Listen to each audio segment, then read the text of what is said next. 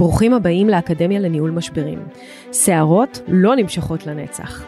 אני אימי בחורבוני, עורכת דין לענייני משפחה, מאמנת ומומחית לניהול משברים. וזה הפודקאסט שילמד אתכם איך להתמודד עם כל משברי החיים. נפגוש אנשים שעברו משברים מכל הסוגים. נלמד מהם איך צלחו את המשברים שלהם, איך אפשר לנהל את המשברים שלנו אחרת ולצאת מהם לא רק על הצד הטוב ביותר, אלא גם חזקים וחסינים הרבה יותר. הנה, מתחילים. ברוכים הבאים לאקדמיה לניהול משברים, הפודקאסט של עורכת הדין אימי בכור בוני.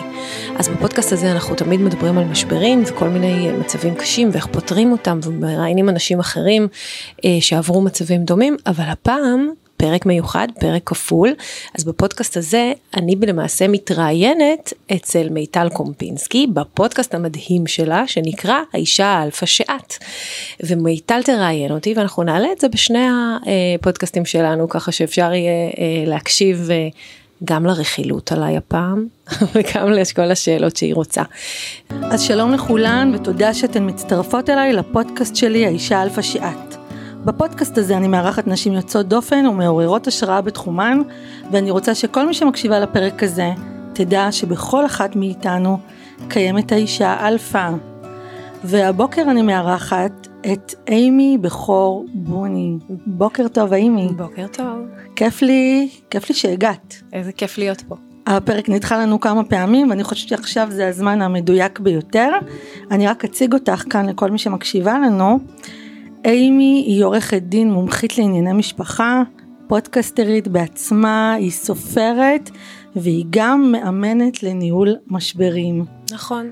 איזה כיף והפרק אנחנו מקליטות אותו כפרק כפול הוא יעלה גם בפודקאסט שלה ותוכלו להאזין לו גם ממני וגם מאצלה והולך להיות ממש ממש כיף.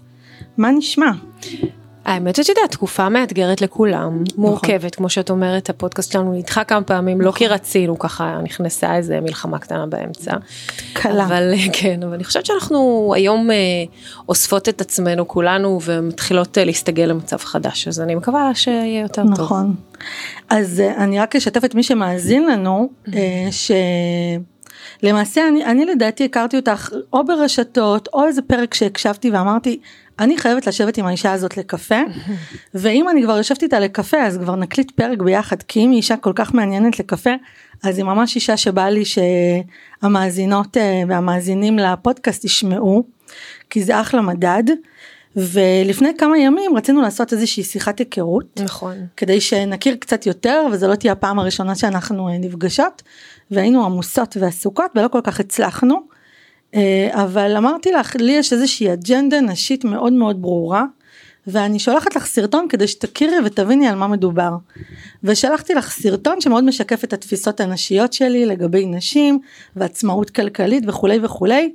שתי שניות אחר כך את שולחת לי סרטון, העתק הדבק ברעיון ובעיקרון, אמרתי וואו אין, אין, אין מדויק מזה. נכון. כמה האג'נדה היא אג'נדה נשית דומה ובועטת. אני חושבת שזה לא, לא רק אג'נדה נשית, אני חושבת שזה אג'נדה שאומרת, לא משנה מי אתה, תמצה את הפוטנציאל שלך, תהיה אה, במקסימום שלך, תשתדל, אה, תמצא משמעות לחיים שלך, תדע מה הלמה שלך, לאן אתה הולך, מה התוכניות שלך, את יודעת, זה מתאים גם לנשים וגם לגברים. נכון. אנחנו קצת עושות יותר פודקאסטים ופונות יותר לנשים, לדעתי משתי סיבות. א', כי הסטטיסטיקה מראה שנשים הם אלה שמתעניינות בהת, בהתפתחות עצמית, זאת אומרת 80% מהמאזינים, 80% לפודקאסטים, 80% מתוכניות העצמה וכולי עם נשים, זה פעם ראשונה, ופעם שנייה כי נשים ממש צריכות את זה, כאילו גברים תמיד הועצמו מעצם היותם גברים ונשים לא ידעו שהם בכלל כאלה. ועכשיו אנחנו במהפכה התודעתית הזאת אני חושבת מגלות לנשים שיש להם המון המון המון כוחות. והן צריכות לדאוג לעצמם ולעתיד שלהם ולכלכלה שלהם ולא להיות תלויות באף אחת. וזה בעצם האג'נדה שמשותפת לנו. לא לגמרי. קודם כל אני חושבת שזה תמיד תמיד תמיד מדבר לכולם. אין ספק שהקהל שלי הוא קהל יותר נשי. ומעבר לזה אם אני מסתכלת על זה משהו ברמת השליחות הפרטית שלי היא כן. כי אנחנו נדבר על זה עוד מעט היא שיש פערים נכון. וכשיש פערים אז צריך פה לעשות איזשהו מאמץ הרבה הרבה הרבה יותר גדול של נשים כמוני ונשים כמוך.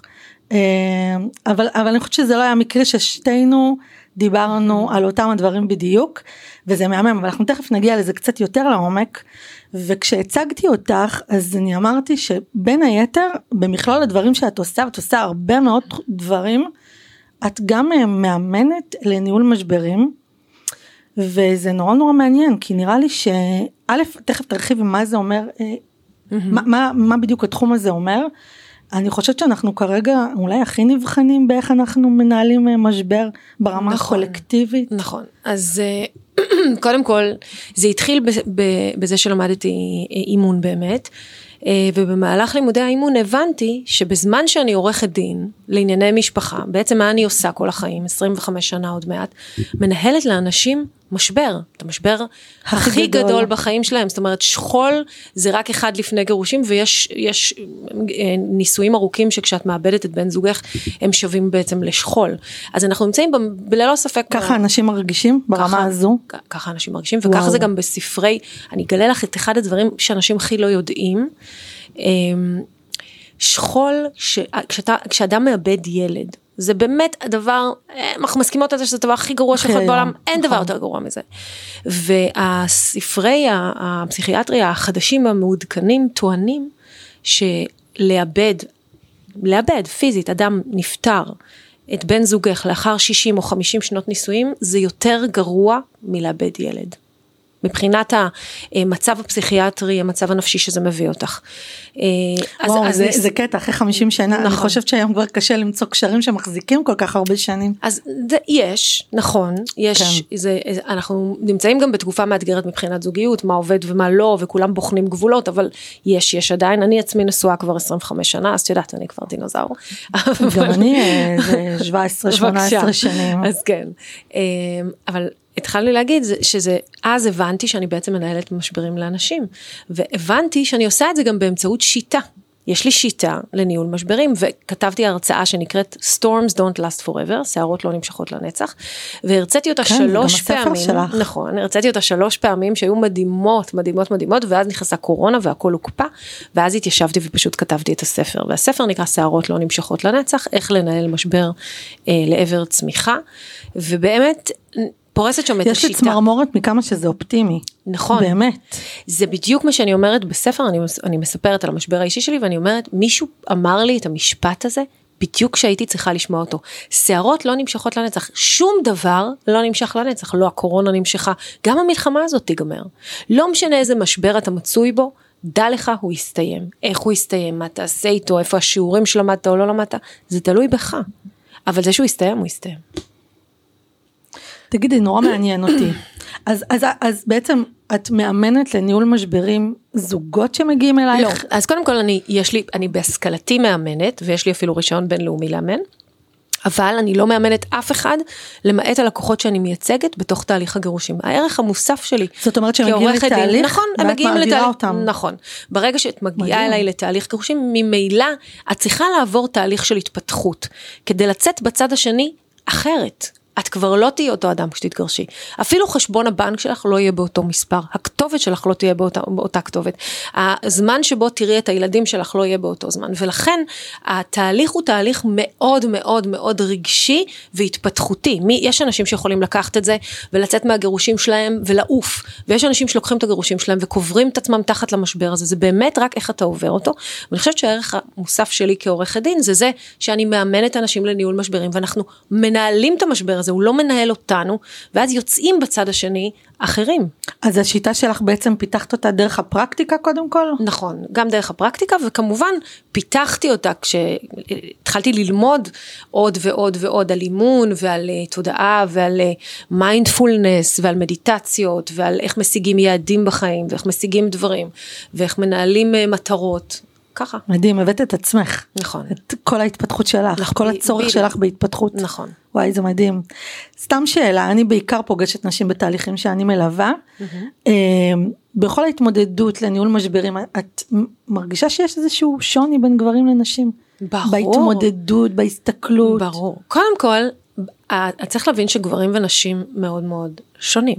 נכון. גברים הם לקוחות הרבה יותר קלים מנשים. כולם אומרים את זה. מה לעשות, גבר הוא בינארי, אפס או אחד הוא מבין, אתה אומר לו, תקשיב, את זה תעשה, את זה אל תעשה.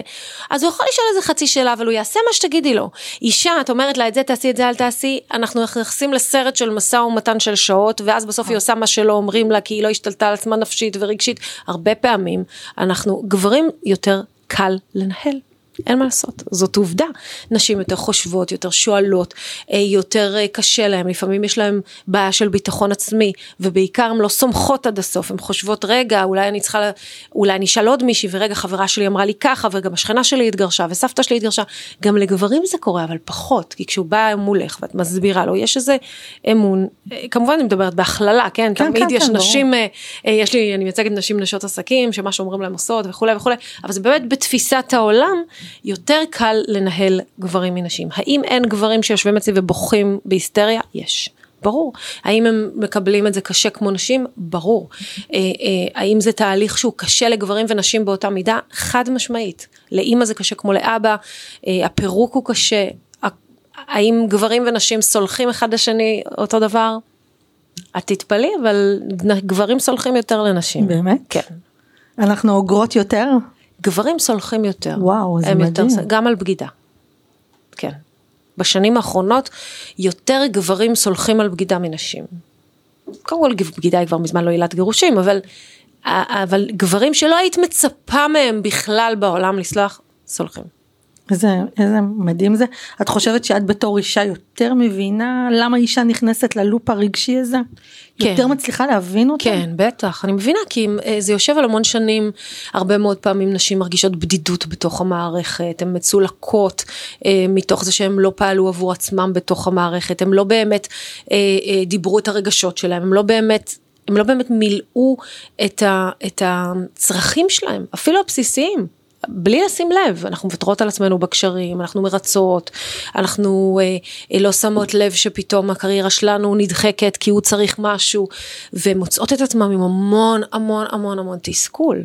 וזה בלי לדבר על מערכות יחסים רעילות שבהגדרה הן רעילות ונשים עוברות גז לייטינג כן כן, אנחנו תכף הולכות לדבר כן, על הדבר אוקיי, אז- הכל כך כל כך אה, כן, חשוב הזה. אז סתם מעניין אותי, את רואה, נניח את כבר כל כך הרבה שנים עוסקת בתחום שאת עוסקת בו, את, את רואה את זה קורה בגילאים מסוימים יותר? את, את ה, מה? את הצורך אה, פתאום להגיד די זהו נגמר נפרדים. אני חושבת שזה תלוי מערכת יחסים. יש אנשים שנמצאים במערכת יחסים 7-8 שנים לפני שהם התחתנו בכלל. ויש אנשים שמתחילים שנה אחרי שהם הכירו. אני חושבת שכל מערכת יחסים שהיא לא טובה, אפשר לשאת אותה איקס זמן. בשלב מסוים אדם פוגש את עצמו. או שהוא פוגש מישהו מבחוץ שמאיר לו את העיניים על עצמו, שזה גם יכול להיות. כי אני הרבה פעמים רואה את ה... מה שאת קוראת לו הלפתוח את העיניים הזה סביב גילאי 37 8 של נשים עוד פעם אני לא מלווה כמעט בכלל גברים אז אני פחות יודעת להגיד את זה על גברים. ומשהו שם קורה איזושהי הבנה שנכנסים לגיל שאומרים אני זהו די כאילו עכשיו אני עכשיו תורי עכשיו בשבילי אז תראי, קודם כל, אני חושבת שבמערכת יחסים ארוכת שנים זה בסדר להגיד עכשיו תורי, אוקיי? בטח זהו. אז זה לא חייב להיות סיבה לגירושים, זה מאוד תלוי מה קורה בתוך המערכת הזוגית ולמה מתגרשים. אז נכון, מה שאת מתארת עכשיו זה בעצם אחת מהסיבות להתגרש, שהיא לפעמים משברי גיל. אם אנחנו מגיעים סביב גיל 38, 42, לא איזושהי עייפות חומר כזאת לא, שהם יש איזה, סוחבים מש... אותה. זה קשור לגיל ולסיטואציה הורמונלית, ואז כאילו, יש איזה משבר גיל 40 כזה, אצל גברים זה יותר לקראת גיל 50, ואז יח- כמשבר גיל כמשבר גיל, הוא יכול להיות סיבה לגירושים, שפתאום, היה אצלי מישהו היום בבוקר, ממש לפני שבאתי לפה בשיחת ייעוץ, הוא אמר לי, תקשיבי טוב, לפני שנה וחצי אשתי הסתובב לה. אמרתי לו, מה זאת אומרת הסתובב לה? הוא אומר לי, תקשיבי, היא התחילה לצאת.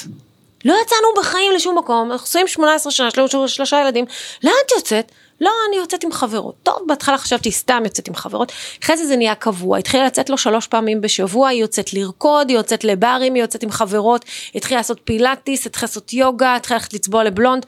הוא אומר לי, אני לא מבין מה קורה פה. אמרתי לו, תיקח אותה לטיפול, משבר גיל. זה משבר גיל, זו אישה שאומרת, שנייה, גידלתי ילדים, אני רוצה רגע את עצמי בחזרה, אני רוצה להיות ילדה, לאן נכנסתי והיא מתעוררת, אז זה לא חייב להיגמר בגירושים. אה, במקרה של בחור שהיה בבוקר זה ייגמר בגירושים כי היא פשוט מצאה מישהו אחר בסוף הדרך הזאתי, אבל... היא גילתה אה, את עצמה ממש. היא גילתה את עצמה ממש, אבל, אבל יש עוד המון אה, סוגים של משברים שאנשים מגלים את עצמם. למשל, אחד הדברים המטורפים זה שניתוח קיצור קיבה הופך להיות עילת גירושים כמעט בכל המקרים. אישה עושה קיצור קיבה, נהיית כוסית על של החיים, ופתאום היא מגלה את עצמה. והם אה, לא שורדים את ה- השינוי. את האישה החדשה. המערכת לא שורדת את השינוי. הרי, הרי מה צריך לקרות? או שזה חוסר ביטחון מאוד מאוד רציני של בן הזוג, לראות פה אישה שמגלה את עצמה ולא לדעת להחזיק את זה. נכון, זה או זה, זה לפעמים זה, זה בדיוק, זה בדיוק המטוטלת הזאת. זה או שבן הזוג כל כך נהיה חסר ביטחון ומתחיל להרגיש זהו עכשיו היא כוסית היא יוצאת החוצה, בטח כולם מתחילים איתה, בטח היא רוצה לבגוד בי, שזה אחד, והחצי השני של האירוע הזה זה שהיא באמת מקבלת ביטחון והיא לא רוצה להישאר במקום שלא היה לה טוב קודם. אבל, אבל זה אחד הטריגרים, כן, ניתוח קיצור קיבה, השלה אה, אדירה של משקל, אחד הטריגרים, אני רוצה להגיד לך שאני ליוויתי לא מעט נשים אחרי ניתוחי קיצור קיבה שבאו להתגרש, שהם אני לא יכולה לעשות, יש לי לקוחה אחת, היא מאוד מפורסמת באינסטגרם שלי ובזה אז אני מרשה לעצמי, קוראים לה רינת, היא פצצת על חלל, הבחורה הייתה עצומה, פצצה לא ראית מידה 36 כזה, 4-6, יפהפייה, פתאום אופנה, פתאום זה, פתאום זה. והיא לא רצתה להתגרש, והיא רצתה שהוא יצמח איתה לתוך המקום הזה, היא רצתה שהוא יפרגן לה, והוא לא היה מסוגל להכיל את זה. הוא הלך עם מישהי שמנה. באמת. כן, אמיתי. וואי זה הזיה, תשמעי נשמע לי שאת נתקלת בסיפורים כן. שרק על זה אפשר לכתוב ספר. בטוח. וואי זה מדהים. נכון. תראי אני מחזיקה בעמדה, אני במערכת יחסים זוגית, חברית, אוהבת, ארוכת שנים. חבר שהכרתי, הבן זוג שלי, הכרנו אותו בצבא, היינו חברים. לקח לנו כמה שנים טובות, גרנו ביחד, אוניברסיטה, עניינים, עד שהתחתנו וכולי, הוא היה את החבר הכי טוב שלי, וזו מערכת יחסים מאוד אה, מאוד בוטחת ומאוד בטוחה ומאוד חברית. Mm-hmm. יחד עם זאת, אני תמיד מחזיקה, אולי כי ככה חונכתי, אני תמיד מחזיקה בעמדה שגם אם מערכת היחסים היא מדהימה, לא לפתח תלות כלכלית באף אחד, להיות עצמאית כלכלית, אישה צריכה להיות או לנסות להיות עצמאית כלכלית, כי עדיין יש פערים, אנחנו יודעות שעל אותה משרה גבר ואישה מרוויחים אחרת, אבל לא להיות בתלות. עכשיו, זאת האג'נדה שלי, אני מדברת איתה, אני מדברת עליה הרבה, ואני גם חוטפת עליה הרבה מאוד אש, אגב, מנשים, לא מגברים. ברור. לנשים מאוד מאוד מאוד מאוד קשה, כי כאילו ברגע שאני אומרת את זה, אז אולי תלכי ותבדקי מה קורה אצלך בבית, אולי את לא בטוחה בבן הזוג שלך, כשאני אומרת את זה. אה, ולמה את בביקורת על נשים שלא עובדות? כשאני אומרת, כל אחת שתעשה מה שהיא רוצה, אבל בסוף בסוף בסוף התלות הזאת היא תלות מאוד מאוד בעייתית. בכל כך הרבה רמות שאת אפילו לא יכולה להתחיל לדמיין אותם. קודם כל היא בעייתית כי ברגע שאדם תלוי במישהו אחר הוא, אה, אה, הוא בלון החמצן שלו. הוא לא יכול לחיות בלעדיו. אה, מה שהופך את המערכת יחסים לסימביוטית במקומות שלא לצורך. אם רוצים זוגיות מצליחה וזוגיות שתחזיק הרבה שנים, אה, אז מה שצריך זה דיפרנציאציה זוגית. זאת אומרת אבחנתיות. חייבת להסביר. אני אסביר. לי יש את חיי ולך יש את חייך ואנחנו בוחרים לקום בבוקר ביחד. אני כל בוקר קמה, יש לי מלא דברים אחרים לעשות, אבל אני בוחרת להיות איתך את הרגע הזה, לחבק אותך, לנשק אותך ולהיפגש איתך שוב בערב. אני עסוקה מעצמי, אני משמעותית עבור עצמי, אה, אני מפתחת את מערכת היחסים שלי. העצמאות שלי היא לא רק כלכלית, העצמאות שלי היא במשמעות שלי מדהים. בעולם. עכשיו, מה זה עושה? וואו, את לא, זה כאילו הסוד, זה המפתח. כל אחד מתפתח. נכון. וגדל. וגדל. וזה לא מפריע. לא רק שזה לא מפריע, אם הזוגיות שלך טובה, זה יעזור לך. אני למשל, בעלי, הוא ללא ספק המנוע שמאחוריי. אנחנו מאוד שונים, אני היפראקטיבית ואני בלאגניסטית ואני דרמה קווין, והוא מאוד מאוזן ומאוד לא חרדתי. אבל אני יכולה לבוא להגיד לו, מה אתה אומר? מה אתה אומר? אני אשקיע בזה, אני לא אשקיע בזה, לעשות את זה, לעשות את זה, והוא יגיד לי, ששש. הכל טוב, תשקיעי, לא יקרה כלום, סומך עלייך. וזה ייתן לי את הכוח לעשות את זה. או אני אתייעץ איתו כן לקנות משרד או לא לקנות משרד. והפרגון הזה יש בו, המערכת יחסים צריכה להפרות אותנו, לקדם אותנו. ברגע שהיא מסרסת אותנו, עכשיו תראי, גבר שאישה תלויה בו, מרגיש בכל מקרה מסורס. למה? כי כל הזמן הוא מרגיש מותקף, הוא מרגיש שהוא צריך לפרנס, הוא מרגיש שהוא צריך להחזיק אותה, הוא מרגיש שהוא צריך להיות הבידור שלה, הוא מרגיש שהוא צריך לתת לה משמעות, וזה לא שם. ואז... זה לוקח לו את החמצן. זה ואז מתחילות אה, בעיות מעמדות בבית. הופה, עוז התערב. עוז התערב. לא, אני חייב להגיד שזה פשוט, מה שתיארתם פה זה... אומרים יש מיטה חולה, כן. אז מה שתיארתם פה זה המיטה הכי בריאה שיכולה להיות. יפה, ולכן אני משול... נשואה 25 שנה. משולב עם תחילת סיפוקים, נכון. לחלוטין כש... זה. אני אגלה לך מה, מה, נכון. הסוד, מה הסוד שלי. הסוד שלי הוא שבעלי נותן לי להרגיש חופש אמיתי למרות שאני במערכת הכי מונוגמית וכובלת בעולם. בסדר? ואם נשים ידעו לעשות את זה עם גברים, זאת אומרת אותו דבר. גם את צריכה להיות חופשייה וגם הוא צריך להיות חופשי ואנחנו פה מבחירה, אז, אז גם הרצון שלנו להיות ביחד מגיע ממקום אמיתי, ואז גם רוצים לעשות סקס. ואז סקס לא נגמר, ואז לא אומרים, או, איפה התשוקה בזוגיות אחרי 20 שנה? יש הכל בזוגיות אחרי 20 שנה. חד משמעית. אם אתה מתפתח למקום, אני, בעלי מתענג על זה שהוא רואה חושבת, את הגדילה שלי. אימי, אני חושבת שזה גם הצורך שלך בחופש תמידי. נכון. ואז בתוך החופש את יודעת לשים את הגבול שמתאים למערכת היחסים שביניכם שקיימת. אבל מי לא רוצה חופש? כולם רוצות חופש, הן פשוט מפחדות מהחופש, כי אם הם יהיו בחופש ולא יהיה להם כלום, אז מה הם יעשו? אז כפרה, תדאגי לעצמך.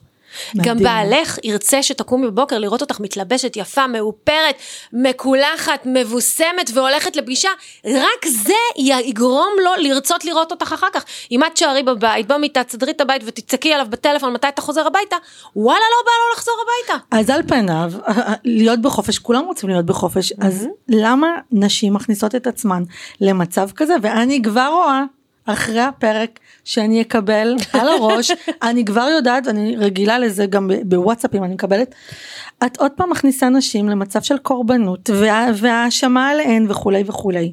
אבל כשאני... מה לעשות שזה המציאות? אוקיי, אז יאללה, אז תסבירי. אז ככה, בואו תשמעו בסוף, גם את אימי. בסוף יש תפקידים מסורתיים. בסוף חונכנו איפשהו, אוקיי?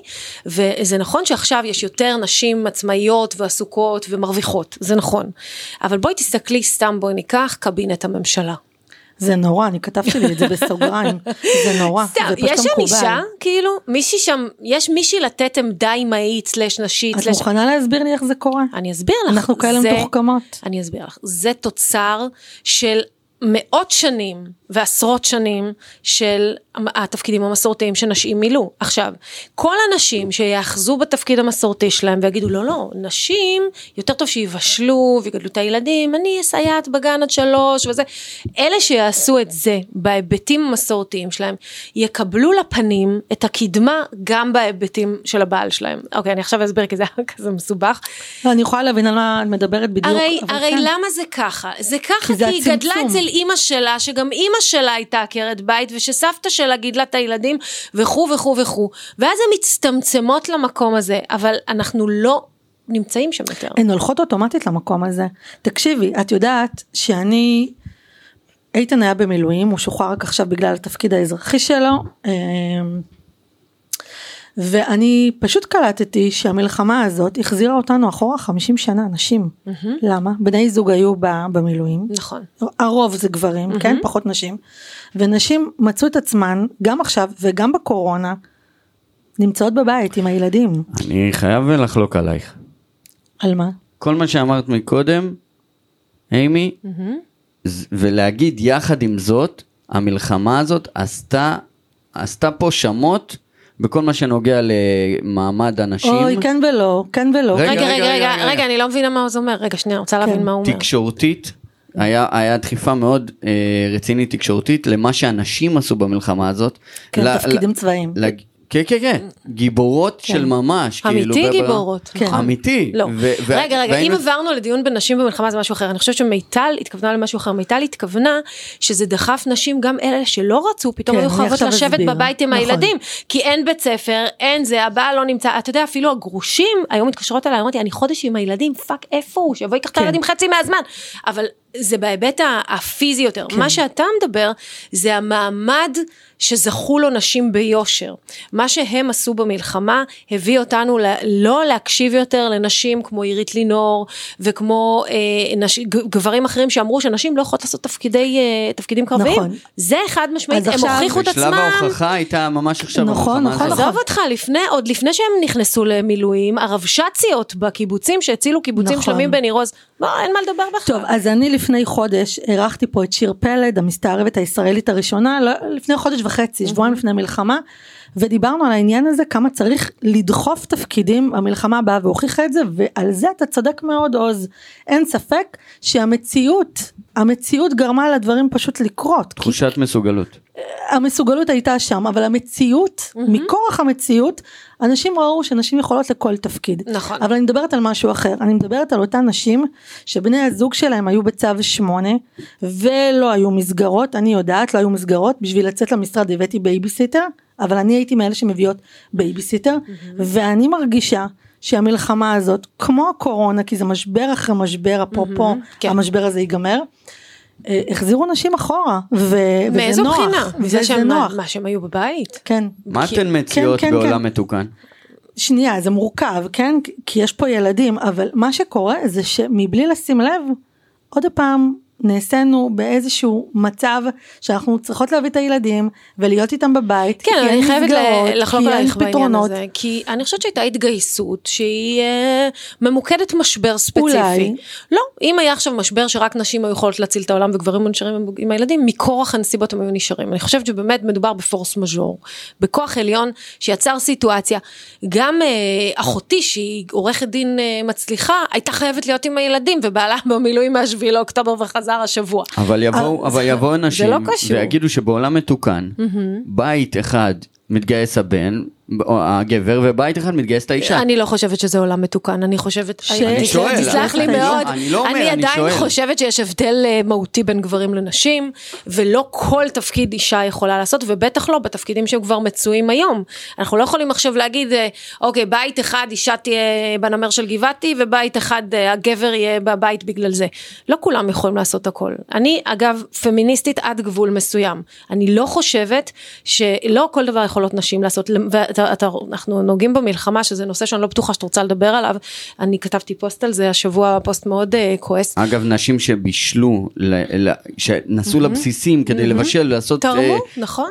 לא פחות תרמו מכל את חלקם. מכל- מכל נכון, לוחם. כאילו. אבל מה רצית תרמו את להגיד חלקם. ביחס למלחמה? ביחס למלחמה, אני חושבת שאחד הדברים שהכי הבנו זה שנשים ככלי במשחק האסטרטגי בין מדינות, בטח מדינות כמו עמלק כאלה, אה, זה רע מאוד. כי מה שעשו לחטופות, זה נורא. זה דברים ש...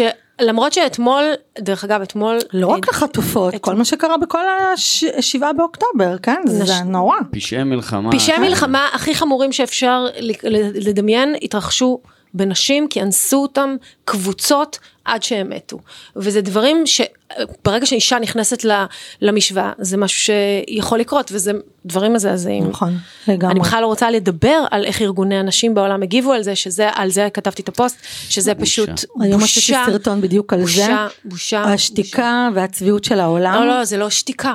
זה הותרת דמם של נשים יהודיות כחלק מהיותם נשק במ- במאבק, נקודה. להתיר את זה. ממש. זה מבחינתי, אם נשים באות ואומרות נאנסתי, עשו בי, פשעו בי, ונשים אחרות אומרות להם, זה עניין ראייתי, צריך להוכיח את זה, בואו לא נגנה את זה, כיוון שזה בעצם חלק מההתנגדות וכל מיני דברים. איומים זה באמת אה, משהו ש... ו- וזה נשים. מחליטות נכון. זה לא גברים יושבים שם בפרלמנטים האלה כן אלה נשים הכי חכמות הכי מלומדות והכי עוצמתיות הן פשוט אנטישמיות בואי נגיד אה, נקרא לילד בשמו. נכון, נכון. אז אה, טוב נגענו במלחמה ואפילו לא, ולא לא התכוונתי אבל זה, זה המשבר כן. שאנחנו חיים בתוכו נכון. ואני אני מרגישה בסוג של מניה דיפרסיה סביב המלחמה הזאת יום אחד אני בטוב היה לי יום כזה שהצלחתי להתנתק מחדשות ynet וכולי כן. ואז הריאליטי בבית את כן. מי משחררים איך משחררים משחקי הדיונון של סינואר. ממש ממש זה באמת אה, טוב, אי אפשר שלא שלא להתייחס לזה. תגידי לי רגע אז עד כמה את כעורכת דין לענייני משפחה פוגשת את התלות הזאת של נשים בגברים? ועם, וכמה את רואה שזה מעכב את היציאה שלהן מתוך מערכות יחסים. כל הזמן, לצערי, כל הזמן, וזה נע בקצוות, זאת אומרת, יש נשים שבהגדרה נמצאות עם גברים מאוד מאוד מאוד עשירים, גם אם הם הרבה יותר מבוגרים מהם, גם לא מתאימים להם בכלל, גם בלי שום קשר לאהבה. שוגר דדי כזה. נכון, עושות להם גם ילדים, כדי שאז בכלל לא יהיה דרך שהוא לא ישלם כסף. אה, לנעול את ה- לנסות לנעול את הגנים ישירות לתוך חשבון הבנק. זה לא אה, משחק לטובתנו כל המשחקים האלה. אז זה מזעזע ברמות, ואני אומרת לך את מה שאני אומרת להם. ומה שאמרתי אה, היום ללקוחה. יכול להיות שהוא משלם לך עכשיו כמויות של כסף, אבל את קורבן, כן? וברגע שאת תסכימי לוותר על הכסף, רק אז תוכלי לצאת מתוך המערכת הקורבנית שאת מצויה בה. זה הכלוב של הזהב. זה כלוב משמעית. של זהב, ואמרתי לה את מה שאמרתי לה, אמרתי לה ככה, אני מוכנה לחיות מפיתה ושמן זית, ושלא יהיה לי כסף, אבל שהחופש שלי לפעול כמו שאני רוצה יהיה, ואת מוכנה למכור כל ערך וכל חופש בשביל שיהיה לך 30 אלף שקל כל חודש. זה ההבדל בינינו. ברגע שתוותרי על הכסף, תזכי בחיים שלך בחזרה, אבל תצטרכי לעבוד בשביל כסף. לא הוא לא יממן לך... מצליחה לראות את זה? אני אגיד לך, הם כבר סוג של נכות, זה כבר נכות, כי הם כבר, את יודעת, יש להם צמיד טניס של אה, 18 אלף קראט, והאוזניים שלהם נופלות מיהלומים, אבל הם לא עושות כלום, כי הוא גם לא מרשה להם לעבוד, כי מה פתאום שתצאי אליו, למה את צריכה לעבוד? מה תעשי, מה תביאי 7,000 שקל, למה את צריכה לעבוד? זה לא נתפס הדבר הזה. למה את צריכה לעבוד, אבל מה? חסר לך משהו? לא, תשבי בבית.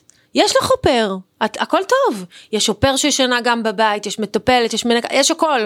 אבל מה שתעבדי, מה, מה תעשי עם 7,000 שקל? לא חבל על הזמן שלך? זה כזה. במקום להבין שלא רק שלא חבל על הזמן שלך, זה הזמן שאת צריכה לנצל כדי שאחרי זה, אם חלילה מערכת היחסים הזאת לא תחזיק, יהיה לך משהו משלך, וגם אם היא תחזיק, כדי שיהיה לך למה לקום בבוקר. אז זה נע בקצוות של אלה באמת, שבאמת תלויות.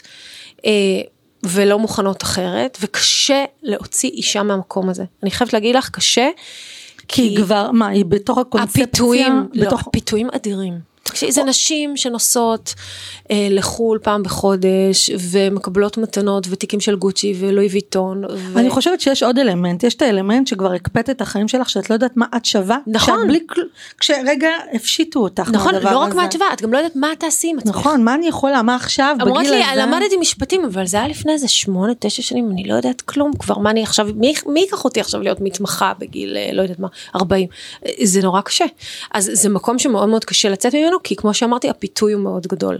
ולבין הקצה השני, של נשים שחיות לא ברמת חיים כל כך גבוהה, אלא מתוך איזו תפיסה שהוא צריך לפתח את עצמו, או שהוא הוא עסוק, אז אין ברירה, מישהו חייב להיות בבית בשלוש לקחת את הילדים. ואז הן נשארות, והן מקריבות את עצמם. לא קשה לך, לא קשה לך לשמוע, אני, אני מגרד לי בגוף עכשיו, כן, ממש. אני אגיד לך מה אני אומרת, קשה, הן מקריבות את עצמם כי רק הן יכולות לקחת את הילדים מהבית ספר, לא, אף אחד לא יכול. אני אומרת, תביאי סטודנטית שיש לה אוטו, תשלמי לה 40 שקל, ותלכי לעבוד, היא אומרת לי, ואני ארוויח את אותם 40 שקל, אני אומרת לה, אז מה? יש לי, יש לי בדיוק סרטון על זה בטיקטוק. כמו כל אחת מאיתנו כמה הסרטון כשהתחילה את נפתח החיים. בדיוק בשאלה, כמה כסף הרווחתי מול כמה שילמתי למטפלת. הייתה לי מטפלת לשני לא תינוקות. המשכורת, הייתי בהתמחות. לא המשכורת. כן. ואף יותר מכך, היה לי שני תינוקות, הייתי משלמת. לה 6,500 שקל, הייתי מקבלת 5,500. נכון. כי לא עשית סכום אפס. נכון, כי זה מבינה? לא פה, לא בודקים את זה ראית. פה מתחת לאף, רואים שנייה לעתיד. מתחילים איפשהו כדי להגיע לאנשהו. נשים לא מוכנות לשלם את המחיר. בסוף צריך לשלם מחיר. אז או שהן לא מוכנות לשלם את המחיר בעבודה קשה, או שהן לא מוכנות לשלם את המחיר, בסוף יש רגע להיות. באי נוחות. תמיד נכון. יש מחיר. נכון. תמיד. מחיר למערכת יחסים כזאתי, או מחיר ל- ל- לזה שאת uh, תלויה. תמיד יש מחיר. לגמרי. אז, אז לקחת את זה כבר לתוך מערכות היחסים. זה תמיד אני לוקחת. מ- הכל זה מערכות יחסים, גם איך אני עם עצמי זה מערכת יחסים. חד משמעית. זו המערכת יחסים הכי חשובה, כן? נכון. את מכירה את הטרנד הזה של אה, נשים שהתחתנו עם עצמם? שמעתי על איזה משהו באיזה סין או להתחתן עם עץ או איזה אבל זו מערכת היחסים הכי קריטית באמת כאילו בערך העצמי שלי בשיח הפנימי שלי מה אני חושבת על עצמי מקבלת נכון, על עצמי חד משמעית. אה, אולי אולי בשביל שנשים לא יגיעו אלייך ככה מוחלשות הן צריכות לעשות עבודה מנטלית סופר סופר רצינית על הערך העצמי שלהם עוד משמעית. הרבה קודם חד משמעית. אה, בתור אימא לשתי ילדות קטנות אני כל כך אה, אני ואיתן כל הזמן שם במקום הזה של להעצים אותם ותמיד אני אומרת לו איתן. אנחנו כל כך יודעים איך לעשות אנחנו רק צריכים לדאוג שהבנות יראו את זה כשהם יבחרו את בני הזוג שלהם כי זאת הבחירה הכי קריטית לא, שהם הם, יעשו הם יראו את זה. בחיים. אם את מחנכת אותם ככה, אז הם, אמן, הם הלוואי. ידעו כמה הם שוות. מבטיחה לך, אמן, יש לי אמן. ילדה בת 23. אמן אני ממש כאילו אני ידעתי לבחור מתוך זה שאני קודם כל הייתי מחוברת לעצמי ואהבתי את עצמי ולכן ידעתי מה אני רוצה בחיים שלי בהמשך. באיזה גיל אהבת את עצמך? תמיד הייתי תמיד ילדה מאוד מחוברת לעצמה באמת? מאוד מאוד איזה כיף לך. ילדה סופר מדברת עם עצמה לא צריכה הרבה את המרחב החיצוני ומאוד יודעת מה נכון לי ובטוחה בעצמה? מאוד וואו. מאוד וזה, את חושבת שזה הגיע מהחינוך? זה הגיע מתוך אימא חזקה שנתנה שם אה, אה, מעטפת נכונה אבל יש לי שמה, מה, היא אמרה לך, את אה, כאילו... כן, היא חיזקה, היא העצימה וכולי, וגם ראיתי שהיא חזקה, וזה היה לי חשוב להיות בעצמי ילדה ואישה חזקה, וגם בכיתה ב' עברתי איזשהו חרם, שבחרם הזה אמרתי, אימא לאיזה פתטים הם, אני כאילו, כל כך טוב לי עם עצמי, וכל הזמן מצאתי את הכוחות פנימה. וואו, זה מטורף מה שאת אומרת, כל לך. הזמן, כל הזמן. בגיל כזה להגיד את זה, זה כמעט אה, כוח על, באמת. מה, אז אני כאילו בתור ילדה ממש ידעתי מה נכון לי ומה לא נכון לי ומי החברים שלי והם צריכים להיות חברים אמיתיים וחברי אמת כן אבל ידעתי לעשות את הסינון וידעתי מה אני שווה תמיד תמיד תמיד כיף לך, אני לא. וזה, וואו אני אז, ממש אז תמכת ממש בתוך הדבר לא. הזה. אני ממש לא. אז אני- זה נראה אני לי נורא מעודד כל- זה אני- מעודד אם את אומרת שאת לא היית ככה וואו, כל כך ככה. כך לא, את, את לא יכולה לדמיין. קודם כל, אני עד גיל, לדעתי 20, חשבתי שאני מכוערת בצורה קשה מאוד. ממש מכוערת, כאילו מכוערת שאי אפשר להסתכל עליה. אני אומרת לך את זה ובגיל 20 אם היא אישה יפה אתם יכולים לראות את זה ב- זה מצולם, בסרטון, נכון? זה מצולם. כן. אז אני אספר גם, אני אתן קרדיטים. אה, בגיל אה, 22 פגשתי את בעלי, אז כבר, אני חושבת שהתפתחתי קצת עם הביטחון עצמי, ידעתי שאני כנראה נראית לא רע, אבל בגיל 22 שהכרתי את בעלי, שהוא מבוגר ממני ב-11 שנה, והוא גם אה, אה, איש, אה, איש אה, מדיה, אה, אז הוא דחף אותי לדוגמנות, וזה נתן לי הבנה לכמה אני יפה, עשיתי קמפיינים מטורפים, הייתי פרזנטורית של? פדני, ברור. ו... אני מטר אה, 76, הייתי, אבל לא ידעתי את זה על עצמי, חשבתי שאני פשוט, כאילו, תביני שבתור ילדה בת 10 הייתי יושבת עם לימון ומשפשפת את הפנים להוריד את הנמשים, כי נמשים זה מכוער והיה לי נמשים, וכאילו לא יכולתי להסתכל על עצמי במראה, הייתי משפשפת, אמרו לי שאם אני אעשה עם לימון יעופו לי הנמשים. זה כאילו בכזאת רמה, וביטחון עצמי באמת קיבלתי. ולא ידעו בבית יותר. אה, כאילו לא. לשקף לך משהו שם. אני חושבת שזה, קודם כל, הורים יכולים לשקף בשני דרכ, בשתי נכון. דרכים. הם משקפים במילים, והם משקפים ב-lead by example, נכון. בהתנהגות. אה, אימא שלי תמיד אמרה לי, למה את כזאת יפה, את מהממת, את שווה. לא האמנתי למילה שלה, היא בעצמה על עצמה לא חשבה שהיא יפה, מהממת ומוצלחת, ולא החוצה, התנהלה ככה נכון. בעולם. לא יכול ילד, לא יכול ילד להאמין להורה, נכון. שלא מאמין באמת נכון, בעצמו. נכון. לכן זה לא מעניין זה שהיא אמרה לי שאני יפה, זה עבר מעל הראש וחמק מתחת. ולכן כשאנחנו מנהיגים את הילדים שלנו ואנחנו רוצים לחנך אותם לערך כלשהו, אנחנו חייבים לעשות אותו בפועל. אני עושה ספורט. להאמין בו, אני להאמין עושה בו. ספורט, אני ובעלי עושים ספורט שש פעמים בשבוע, חמש פעמים בשבוע עושים וואי. ספורט. כן. הילדים שלנו כולם עושים ספורט. לא אמרנו להם מעולם תעשו ספורט, כדאי לכם, זה בריא לכם, אתם צריכים. לא. זה פשוט עושים ספורט בבית הזה. ערכים לא צריך להגיד, נכון. ערכים צריך להתנהג. נכון. לגמרי. בדיוק. אז אני חושבת שבשביל להתחיל נכון זה ממש לעזור לבנות ערך עצמי חזק, נכון. מחובר ופנימה, אבל שוב, איך אמרת, אם אמא שלך לא הייתה כזו, אז היא בטח לא יכלה להעביר לך את הדברים שאחר כך תוך כדי אה, שיעורים את אה, קיבלת. דרך אגב, אני מאוד ממליצה בהיבט הזה של ערך עצמי, בגלל שאת כל כך צודקת שזה הבסיס להכל, אה, לא צריך תמיד ללכת לטיפול פסיכולוגי ארוך שנים. אימון, נכון, אימון, חד משמעית. אימון שזה תהליך קצר מאוד של שלושה חודשים נכון. לערך עצמי, זה דבר גאוני. נכון, אני, אני איתך, לגמרי אני איתך. אז תגידי לי רגע, בתור מישהי שמבינה במערכות יחסים ורואה מערכות יחסים על כל הצדדים וההיבטים, איך נראית אישה מוחלשת בתוך מערכת יחסים שהיא נרקסיסטית? תראי, מערכות יחסים... שאני חייבת להגיד שאני רואה את זה יותר ויותר נכון, ויותר ויותר. מערכות יחסים עם נרקסיסט זה הדבר הכי אה, קשה שיש. זה לעבור טלטלה ורכבת הרים אמוציונלית כל יום, כל הזמן, וזה אלימות שלא רואים אותה על הגוף בסימנים. וזה דבר שצריך לאבחן אותו, להיות מודע אליו, ורק אז נשים שקוראות את הפוסטים שלי, אז אחרי זה הם פתאום נופל להם. ואז הן מצליחות לגזור בדיוק, אחורה. הן גוזרות אחורה ואז פתאום אומרות יואו זה בדיוק מה שהיה לי אבל מערכות יחסים רעילות הן מאוד מאוד ברורות קודם כל לא תמיד מתנהגים אלייך לא יפה להפך יש ימים שעושים לך hoovering. hoovering, שאוהבים אותך ב... מתנהגים אלייך ב over טוב, ואת מדהימה ומאלפת ומקסימה וחכמה והכל, רק שיום אחר כך זה מתהפך עלייך בלי שתשימי לב. רק שמכחישים דברים שאמרו קודם, רק שקובעים משהו ואז אומרים, לא קבענו, זה נכון? עושים גזלייטינג אה, מטורף, או שמקטינים אותך. אנחנו רואים הקטנות במערכות יחסים רעילות כל הזמן. תראה איזה שמנה את, מי ייקח אותך אחרי שלוש לידות, ארבע לידות, תראה איזה בטן נהייתה לך. קצת לקחת, לא קצת הבנתי. לקחת ממי שאת. תראי. לבטל את מי שאת. לא רק לבטל, לקחת את החולשות שלך, להיכנס בתוך החולשה הזאת ולסובב את הסכין. אה, אימא שלך בעצמה לא מדברת איתך כבר כמה זמן, איזה שבוע, לא טוב, אימא שלך יודעת שאת פוסטמה, נו, מי לא יודע שאת פוסטמה? אז מה, מה את חושבת שיקרה לך אם את לא תהיי איתי? את חושבת שמישהו יתחתן איתך עוד פעם? לא, לא הבנתי. איך את חושבת שתסתדרי בלעדיי? את לא מבינה שאת לא תצליחי בחיים? את רוצה לפתוח עסק? בדיחה טובה, לא, באמת את רוצה לפתוח את זה? מי ישקיע בך? מי? אלה דברים שהם רומסי ביטחון עצמי, רומסי ערך עצמי. הם... יש איזה תמרורי אזהרה, יש דברים שאפשר לראות באופן מיידי. אני אגלה לך שכולם יודעות מראש. אני אומר לך שאני בן אדם שפועל מ- עם אינטואיציה, אני יודעת, אני יודעת מי, מי עומד מולי, אבל אני מבינה שאת אומרת שכולן יודעות, אז כאילו האינטואיציה כולן הזאת עובדת. יודעות מראש. בואי תקשיבי לי טוב. מדהים. אין דבר כזה שאני לא שואלת, ואני תמיד עושה את המחקר הזה, כי אני גם קצת אנתרופולוגית, ב- את יודעת, אני חייבת לברר. ואני תמיד אומרת, מה, מה, זה נולד היום? אז היא אומרת, לא, באה חתונה כבר. אני אמרתי שאני רוצה פרחים, אמר לי, לא יהיה פרחים כפרה, לא, יש לך כסף, תביאי כסף, נשים פרחים, אין לך כסף? מי? אז למה? למה? לא הבנתי, ההורים שלך נתנו כסף? לא הבנתי, איזה שמלה את רוצה? כבר? לא היה כבר בחתונה, היה כבר בחתונה. ככה להיכנס לזה, אבל וואו. חשבתי, חשבתי שהוא ישתנה. זה תמיד המשפט. חשבתי שאני אשנה אותו, חשבתי שאם יהיו לו ילדים, לא מאמי. אם הוא עם הפרעת אישיות נרקסיסט, או אם הוא נרקסיסט, רק על הספקטרום הזה, וזה רק הולך ומחמיר, אז ככל שאדם מתבגר, התכונות הקיצוניות שלו מקצינות, אדם קמצן, אנשים לא משתנים. לא רק נכון. שהם לא משתנים, אדם קמצן בגיל 30, בגיל 60 לא יקנה לך קולה בחוץ אם תמותי. אין מה לעשות. אסור להתעלם מתמרורי האזהרה. אגב, במודל שלי לניהול משברים, יש חמישה שלבים.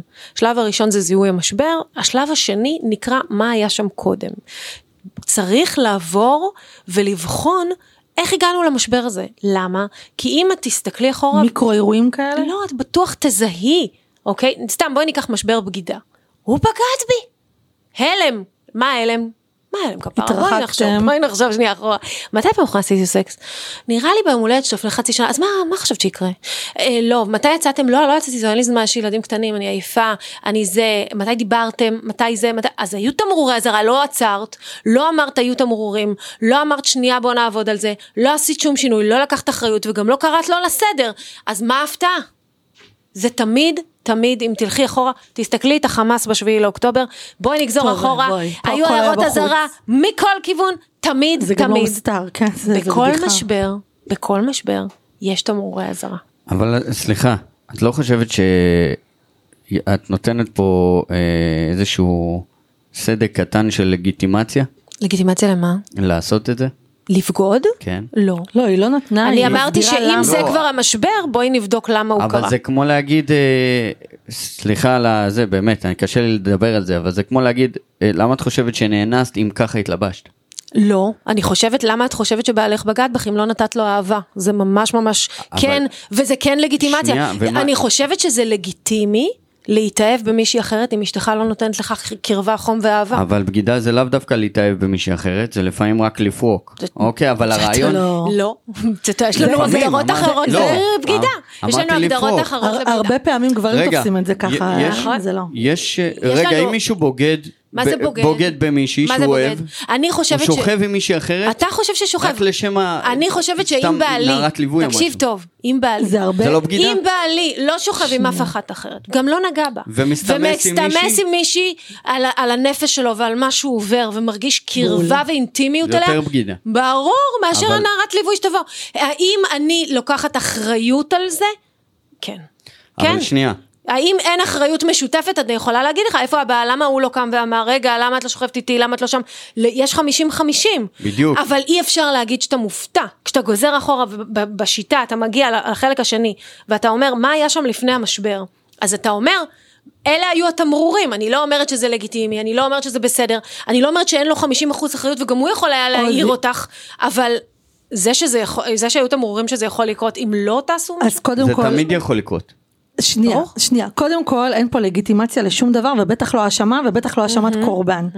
יש פה, בואי, בוא ננסה להבין איפה התחילו הדברים המשבר. להתפורר. נכון. רק תלכי לשם ותביני איפה התחלתם להתרחק, נגיד הייתם מאוד מאוד קרובים, נכון. איפה התחיל להיות מרחק. עכשיו מפה ולתת לזה לגיטימציה, ממש לא. ממש לא. ואגב, נשים וגברים מסתכלות על בגידה אחרת, גברים הסתכלו על זה כעל אקט פיזי. ונשים לרוב, כן, אני עוד פעם עושה פה איזושהי הכללה, כן. אבל נשים לרוב ידברו על, ה, על המפגש הרגשי, שמפגש רגשי הוא... נשים יסלחו כמעט תמיד על זה שהבעל שם היה בחו"ל ושכב עם איזה מישהי בטעות. אני חושב ש... אוי לא, אה, לא הייתי, לא הייתי סולחת על זה. גם אני לא, אבל נשים סולחות על זה. כן, טוב, את, את מכירה את זה. אני אומרת לך, כן. נשים סולחות על זה מאוד בקודם, טוב, נו, הוא היה בתאילנד עם החברים שלו, מה עכשיו, אני אתגרש על זה? כנראה שגם את לא היית מתגרשת על זה, אבל לא משנה. זה- זה אירוע שיכול להתרחש. זה נובע לרוב מחוסר תקשורת, הרבה לפני, זאת אומרת, אז, אז זאת- נכון, זאת זה בדיוק מה. שאני אומרת, הנקודה היא. לבחון איפה נשברה האשמה, התקשורת. כאילו האשמה היא- האשמה. היא הדדית. יש אחריות, שלנו, איך אין אנחנו האשמה. לא דיברנו את זה. עוז, אין האשמה, יש עוז, אחריות יש, מה שהיא אומרת, היא בכלל לא נכנסת למקום שלה להאשים, היא אומרת בוא נזהה איפה זה נכון, התחיל. זהו. למה, אתה יודע למה? א', כי אם אתה רוצה לתקן את המערכת הקיימת בלי לדעת מה היה, אתה לא יודע, ודבר שני, גם אם המערכת הזאת תיגמרה, אותה, הוא מאוהב במישהי אחרת, הלך כבר, את צריכה לדעת להבא. פעם הבאה כשיהיה אירוע כזה, את לא תעברי עליו לסדר היום, כי את תדעי כבר לאן זה יכול להביא אותך. עכשיו, אגב, במקרה סתם כזה- לקחנו בגידה, כן? זה יכול להיות כל דבר, יש לי מלא דוגמאות ממשברים אחרים. במקרה כזה, אני מחזק את מה שאמרת קודם על העניין של להיות עצמאית, לעבוד קשה, להיות לא תלויה באף אחד. נכון. כי אז באותו יום את יכולה לקום וללכת, נכון. ויום למחרת כבר למצוא מישהו חדש. נכון מאוד. טוב, אנחנו, עכשיו- לא, לא, לא, לא, אתה הוא צודק. מדבר פה על משהו שהוא כאילו, אני מדברת על להיות עצמאית כדי לא להיות בתלות נקודה. ואני עוד יותר, אני עוד יותר אחזק ואומר, שאם הוא יודע שאת כזו עצמאית וחזקה, הוא מראש לא יעשה את זה. לא בטוח, אני- לא בטוח, לא בטוח, לא. אני, אני אומר לכם שאם אתם חלקו, תחלקו את זה לעוגה, עוז, עוז, בוא אני אגלה לך סוד. אוקיי. גברים, זה מאוד תלוי בכמה ביטחון עצמי יש להם. בול. לפעמים כשהאישה חזקה ומרוויחה פתאום יותר מהם וכל מיני דברים, זה גורם להם לעשות נכון. בדיוק את ההפך. זה תלוי איזה גבר אתה. נכון. אתה צריך להיות גבר של החיים, ללבוש חולצה ורודה ולהישאר עם אישה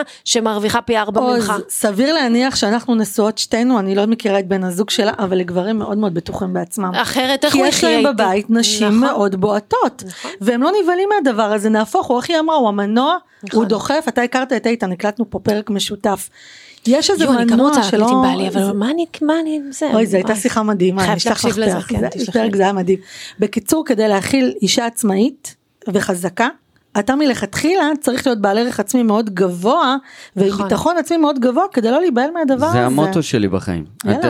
כשאני, אומרים לי, "אה, מה אתה רוצה בחיים באישה, אני, דבר ראשון שאני אומר זה קרייריסטית. כן, ואם היא תרוויח פי ארבע ממך? שתרוויח פי שמונה ממני, מה זה משנה? נחיה ונראה כשהיא תרוויח. תקשיבי, זה לחלוטין, לחלוטין כמה שהיא מרוויחה יותר, ככה יהיה לנו טוב יותר. נכון. מבחינתי ככה אני רואה את זה, אבל רגע, אני רק אגיד, לגבות מה שאמרתי מקודם.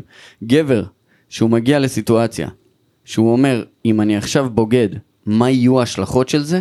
בהשלכות של זה, הוא יכול להגיד, אה, היא תלויה בי, היא לא תעזוב, גם אם היא תדע, נכון. וגם אם זה, ואם היא לא תלויה, זאת אומרת, אם היא עצמאית והיא כבר החליטה כמה פעמים שהיא יכולה לקום וללכת ואתה יודע את זה, אתה תחשוב עוד פעם. נכון. נכון. הוא יעריך אותה, כי ההערכה שלו אליה גבוהה יותר, גם הסיכוי שהוא ירצה לעזוב אותה פוחת. בדיוק, נכון. והסיכוי שהוא ירצה לבגוד כי- גם פחות. כי ההערכה, ההערכה, הרי בחבר טוב שלך שאתה מעריך אותו ומכבד אותו, אתה לא תבגוד. נכון. בדיוק.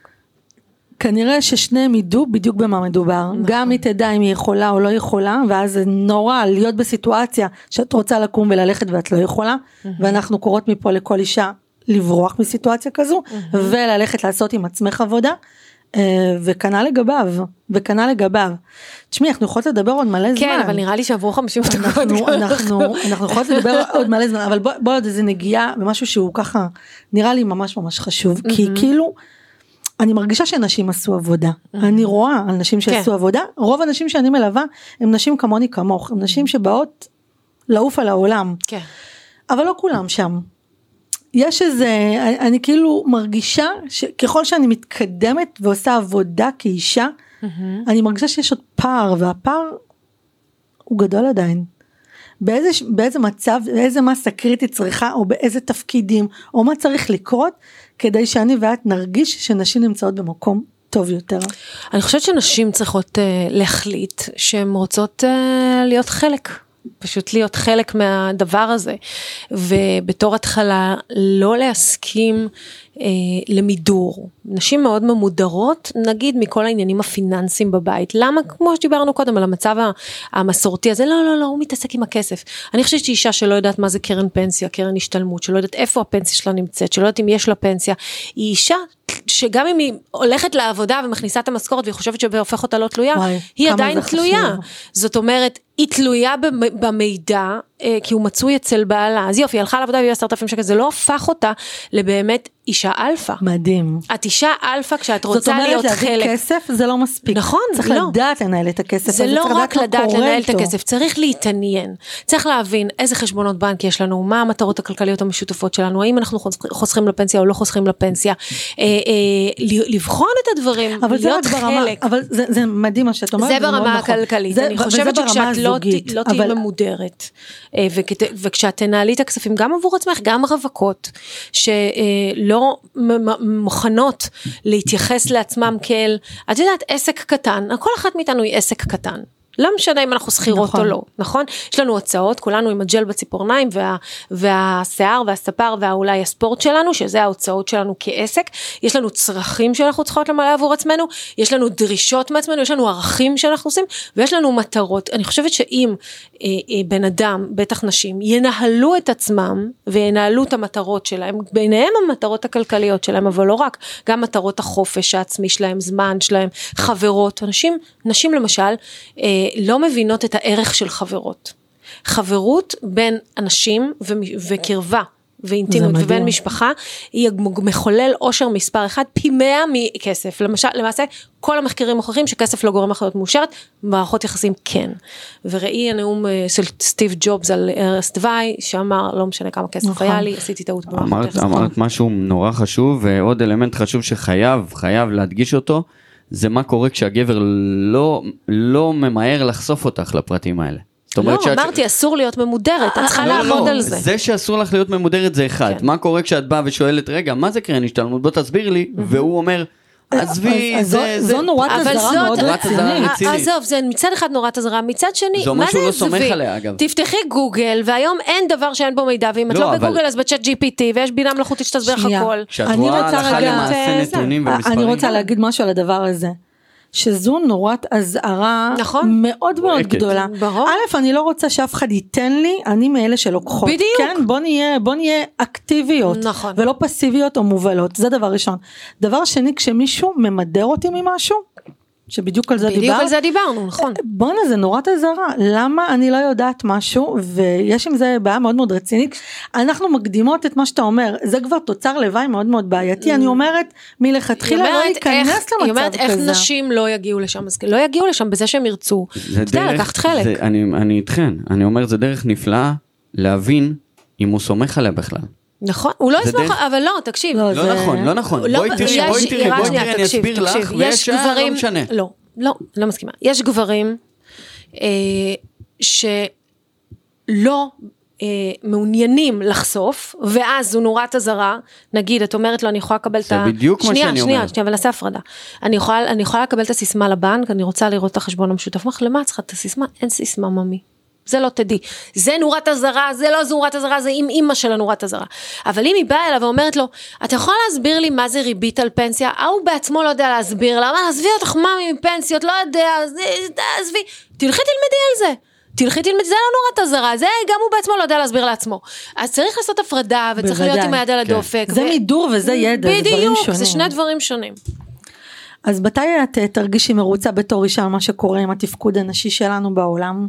אני לא יודעת להגיד לך את זה. אני חושבת שכשלא יהיה לי יותר נשים שיושבות בכיסא ואומרות לי, אין לי מושג איפה חשבון הבנק שלי, באיזה בנק, מה המספר, כמה כסף יש לנו, כמה הוא מרוויח ואם הבית רשום על שמי. כשזה לא יהיה סיטואציה שהיא רגילה, אז אני... תגידי, לא מתסכל אותך שבאמת הפרל... הקבינט זה רק קבינט גברי. מאוד מתסכל אני- אותי. זה בכלל לא מבינה איך. אני לא בקבינט הזה. בול, אני השבוע ישבתי עם חברות, ישבתי עם חברות, ואני אומרת, אנחנו כל כך חכמות, כן. באמת, אנחנו חכמות, אנחנו מבינות את הדברים בניואנסים, את בעצמך אמרת שיש הבדל נכון. בין הסתכלות גברית להסתכלות נשית, ואיך אנחנו לא בעמדות מפתח האלה, אז הן אומרות לי, מיטל, לכי לפוליטיקה, את יכולה לעשות שם מלא, ואני לא נכון. מסוגלת, הציעו לי מלא פעמים, אני לא לא. מסוגלת אפילו לחשוב על הדבר הזה, נכון, כי אז- הפוליטיקה? מגעילה אצלנו. אז איך? עובדה, אבל יש? אבל יש נשים, יש נשים שמוכנות לעשות את זה, כמו אה, איילת שקד, יש נשים שמוכנות להקריב ומקריבות את המשפחתיות שלהם. תשמעי, קונדוליסה רייס, האישה השחורה שהגיעה הכי, לדרגה הכי גבוהה בארצות הברית, אין לה ילדים ואין לה משפחה. השאלה היא כמה נשים מוכנות להקריב את זה ובשביל מה ובאיזה מחיר. אה, וזה מלחמה, היום אנחנו, אבל גם את עושה קריירה, ואת אני עושה קריירה. ואני בפול טיים ואני בעולם גברי ויש פגישות שלמות שאני יושבת רק עם גברים, רואי חשבון, מנהלי עסקים אה, ועורכי דין שהם רק גברים ואני האישה היחידה בחדר וזה לא, וזה, ואני יוצאת משם ואני אומרת לעצמי וואלה. כל הכבוד שהצלחת להגיע לזה שתשבי בחדר הזה ויבקשו את דעתך ויתייחסו אלייך ברצינות. אבל- אשכרה? כן, מה את אומרת? חד משמעית. כי, כי מה, כי יותר זה לא קשה? מובן מאליו. ואת לא אישה שאפשר להנמיך, להשתיק ברור, או... אבל זה לא מובן מאליו ש, אה, אה, שמקשיבים לי. בתפיסת עולם שלי, אני רואה אותם. אני גם חושבת שלי הרבה יותר קשה. אם הייתי גבר הייתי יותר עשירה ויותר מצליחה ממה שאני היום. אז את אומרת, אולי, אולי זאת הנקודה. כשאישה תשב בחדר, מלא גברים, כן. וזה לא יהיה מוזר, נכון. שכשהיא משמיעה את הקול שלה, נכון. יש פה משהו. זה יהיה ברור לגמרי. כן, כמו בקבינט. וואי, זה. עדיין, זה, זה, אנחנו עוד לא שם. אנחנו עוד לא שם. טוב, אז, אז קודם כל אני רוצה להגיד לך, אה, תודה שהגעת. תודה לך שהזמנת. באמת, היה פה כאילו, עוז התערב פה כל כך הרבה, שזה רק אומר שזה ממש היה בדם ליבו, וה, והנושא הוא נושא מעניין ומרתק, ואני מרגישה שהצלחת להראות לנו עוד זווית. זה כיף. עוד זווית וגם גם הסתכלות גברית שהיא חשובה לא פחות פה בשביל כל, ה, בשביל כל הנושא. איפה אפשר למצוא אותך בימים אלו? כי את וואו. נראית לי בעשייה מטורפת. אני בטיק טוק ובאינסטגרם, אני חושבת שאני עורכת דין היחידה שיש לה טיק טוק, ויש לי כל הסרטונים שלי, אני פשוט מעלה אותם גם בטיק טוק. אז יש טיק טוק ויש אינסטגרם ויש לי פודקאסט, כמו שאמרתי, שנקרא אקדמיה לניהול משברים. יש את הספר שלי שנקרא שערות לא נמשכות לנצח, שנמצא גם בסטימצקי וגם בצומת ספרים בכל הארץ, וגם באתר שלי. יש גם אתר ויש גם פייסבוק, ובאמת, אני חושבת שיש איזה מקום שאני לא נמצאת, יש לי פינה בערוץ 13. מדהים, כן. מדהים. אימי, אני רוצה להגיד לך תודה שהגעת, תודה שאירחת אותי, היה מרתק. ממש. ומאוד כיף, ונראה לי אנחנו צריכים לעשות את זה עוד פעם. כן, בטח, בכיף. אז תודה לכל מי שהיה איתנו כאן אה, בפודקאסט. אתם מוזמנים לשתף ולדרג אותו, כדי שיגיע לכמה שיותר נשים, ויתחיל לחולל את השינוי שאנחנו בונות עליו. אז אני גם אודה למאזינים שלי, ותודה רבה לכל מי שהקשיב לנו. אמנם לא ניהלנו משבר היום, אבל בהחלט ניהלנו שיחות על דברים ברומו של עולם, והיה מאוד מאוד uh, כיף. וזהו, אנחנו גם באינסטגרם וגם בטיקטוק, כמו שאמרתי, ותכתבו לנו. תודה. יאללה.